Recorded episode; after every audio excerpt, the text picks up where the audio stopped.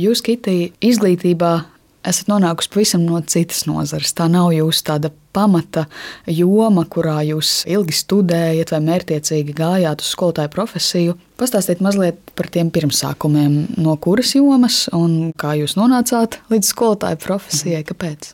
Vispār man pirmā izglītība, es esmu politologs. Mans mērķis bija saistīts ar politiku.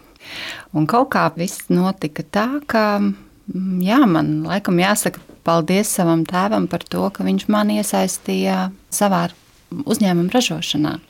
Līdz ar to man tie pirmsākumi ir sākušies ar, ar ģimenes uzņēmumu, ar ražošanu, kas man arī ir devis tādu rūdījumu. Kāpēc man šobrīd arī ir vieglāk arī strādāt skolā, sevi atrast kaut kādās krīzes situācijās.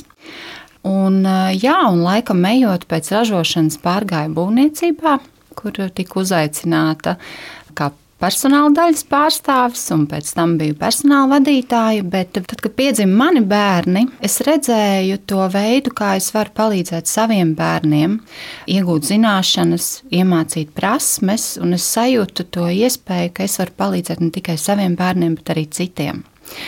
Un līdz ar to es visu laiku paralēli savam pamatdarbam meklēju informāciju Latvijas Universitātē.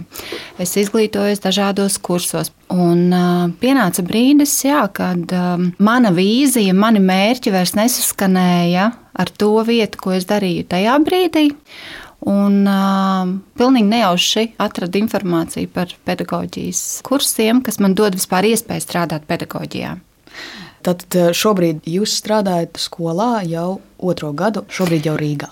Jā, Rīgā oficiāli esmu ar izglītības dokumentu, augstāko izglītību pedagoģijā, jā, pilnvērtīgs skolotājs. Esmu skolotājs divās skolās Rīgas, Rīgas Franča licejā un Rīgas 22. vidusskolā. Ar kādām klasēm strādājat? Es strādāju posmā no 1 līdz 9, plus vēl esmu kā speciālais pedagogs. Strādāju ar bērniem, kam ir mācīšanās grūtības, koncentrēšanās.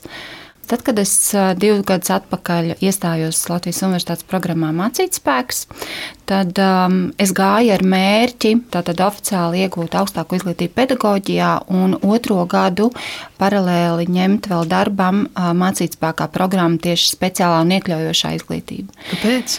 Tāpēc, ka mēs esam jau, es teiktu tā, nu jau trešo gadu tādā pārmaiņu posmā kad um, mums pieaugušiem ir jāmācās pieņemt nevis katram sevi un arī pretēji tieši pieaugušo, bet arī šie bērni, kas pēdējos divu gadu laikā tieši ir izkristalizējies, ka mums ir uh, bērni paliek citādāki. Mm, divi gadi, kas bija Covid laiks, mums ļoti daudz ieviesa korekcijas, uzmanības noturēšanā, uzvedībā. Bet mums ir jāmāk iekļaut visi tajā vidē. Mēs nedrīkstam atstumt. Tikai tāpēc, ka kāds cits ir citādāks. Bet varbūt varam sākt ar to mazliet pandēmiju. Ko tas tiešām ļoti praktiski nozīmē?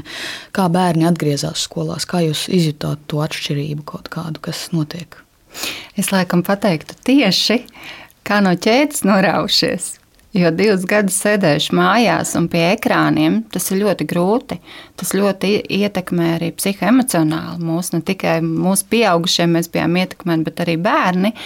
Bet, protams, ne visiem kaut kādas grūtības ir atgriežoties skolā, bet to, ko mēs redzam, viņi nemāca savākt sevi. Viņi vairs nevar nosēdēt šīs 40 minūtes Kāpēc sākuma skolas posmā mēs runājam ļoti daudz par šīm dinamiskajām pauzēm, kad bērnam ir pilnīgi kaut kas cits jāizdara, kāda minūte, divas, un tad viņš atkal var turpināt jā, jā. savu darbu. Mm. Un šie divi gadi parādīja to, ka mums ir jāmaina pieeja mācību procesam. Jo, principā, attālinātajā režīmā tam bērnam zūd interese par mācībām, ka viņš saprot, ka viņš drīkst mācīties citādāk. Un atgriežoties skolā, viņam jau ir grūtāk pierast pie šī režīma, ka ir skolā sava kārtība, ir noteikumi, kas ir jāievēro, un ka tu vairs neesi viens, vai divi, vai trīs, bet jūs esat jau 25, 30, ar kuriem tev ir jārēķinās. Bet, ja nav uzmanības un tās koncentrēšanās augstākajā līmenī, tad eh, droši vien arī tā mācīšanās kvalitāte krītās. Kā, kā jūs to redzat? Jā, kas notiek atzīmju izteiksmē, novērtējumu izteiksmē vai krītās? bērnu zināšanas? Krītās mācīšanās grūtības parasti ir saistītas ar to, ka viens vai otrs priekšmets neveicas. Tie ir pamatpriekšmeti, jā, latviešu valoda, matemātika, ar ko visvairāk saskarās, tad ir valodas, un dabas zinības, jā, vai ķīmija. Es gan vairāk varu runāt ar 1 līdz 6 klašu posmu, jo ar šiem bērniem es vairāk strādāju, bet vislielākās grūtības bērniem saistās ar lasīt prasmi. Un lasīt prasmi tas ir visa pamats. Un, ja nav lasīt prasme attīstīta, tad arī pārējos priekšmetos būs grūtāk uztvert attiecīgo tematu. Ir šie riski kaut kādi, ka būs grūtāk pabeigt semestri vai? Jā, protams, tāpēc arī ir skolās tiek piesaistīti ne tikai speciālai pedagogi, bet arī pedagoģi palīgi, kas fiziski sēž blakus stundā šiem bērniem un sniedz atbalstu uzreiz, ja tīpaši tad, kad ir kādi pārbaudas darbi bet te ir vajadzīgs laiks. Līdz ar to es domāju, ka šis mācību gads pēc tā Covid posma beidzot tāds pilnvērtīgs mācību gads, kur mēs nu, varam sākt strādāt ar tādu jaudu. Mēs skolā jau izkristalizējam to savu to sistēmu, kā mēs ar šiem bērniem strādājam, kā mums viņiem palīdzēt, lai viņi pabeigtu šo klasi, lai viņi tiktu līdz šiem bērniem. Mhm. Jo neviena skola jau nav interesēta atstāt uz otru gadu bērnu. Tad otrs aspekts - būtisks Ukrāņu bērni, patvērumu meklētāju bērni eh, Latvijā, kas tad ir arī skolās, vai jūsu skolās, eh, abās, kurās jūs darbojaties? Ir? Man ir Rīgas 22. vidusskolā.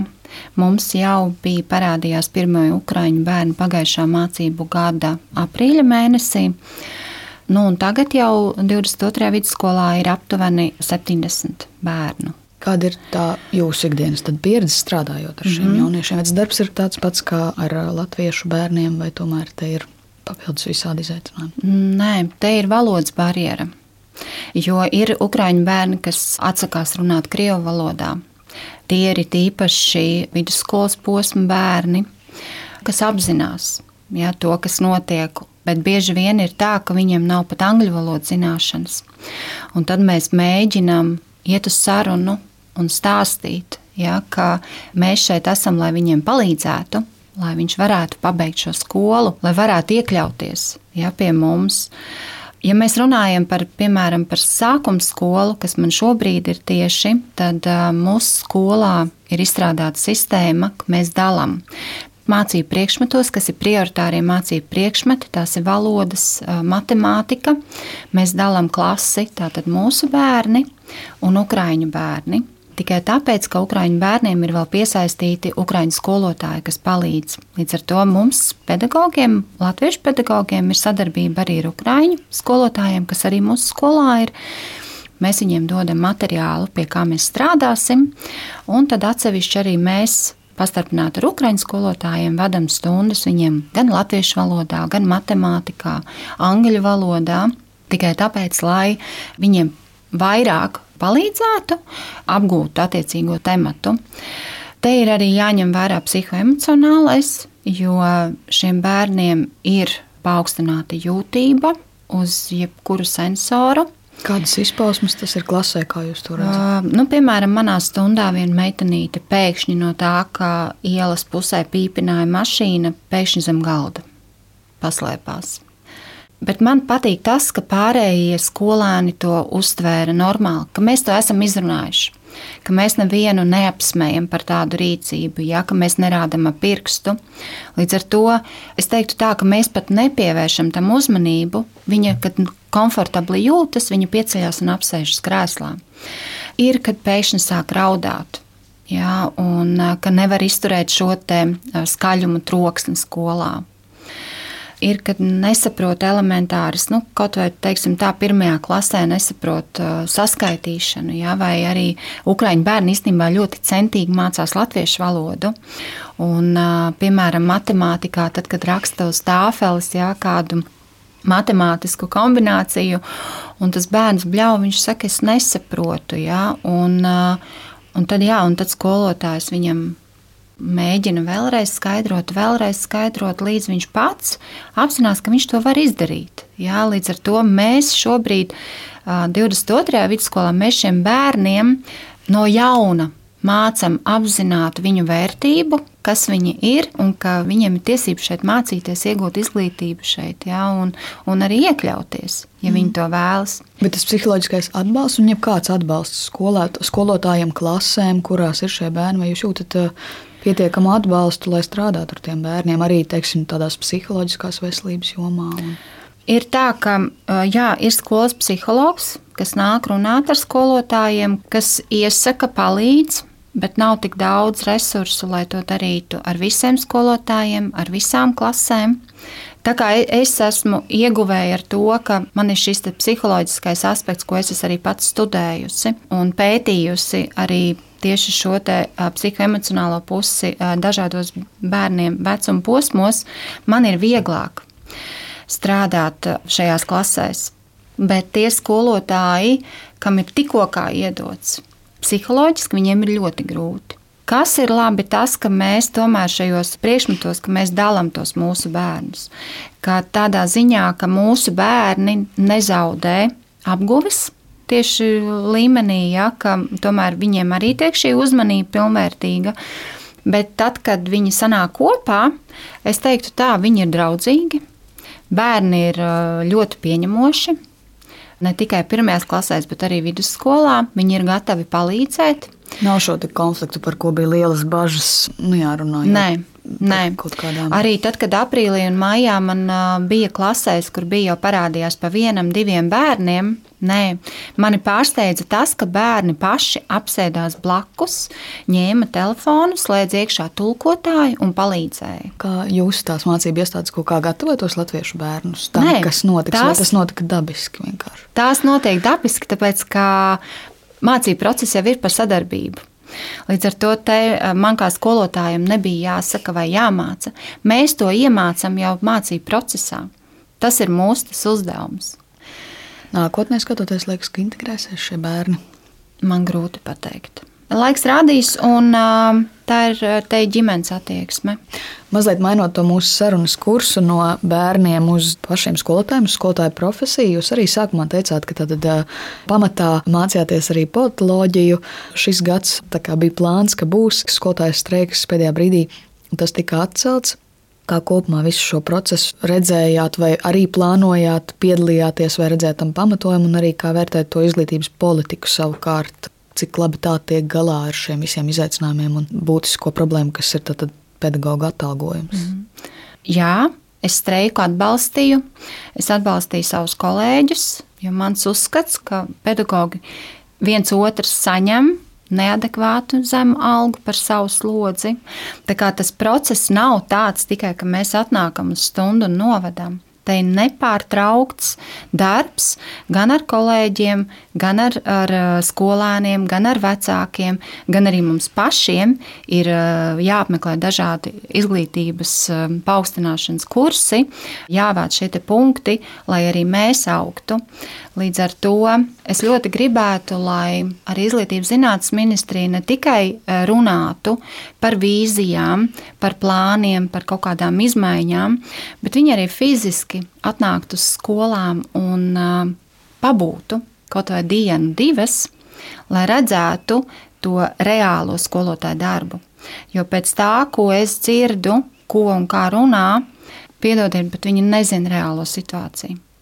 Un tad, kad arī viens otrs saka, ja, nu, ka kā skolotājiem taču ir ļoti laba alga, jā, iespējams, lielajās skolās, jā, bet ar ko ir sliktāks skolotājs, kas strādā mazākā skolā?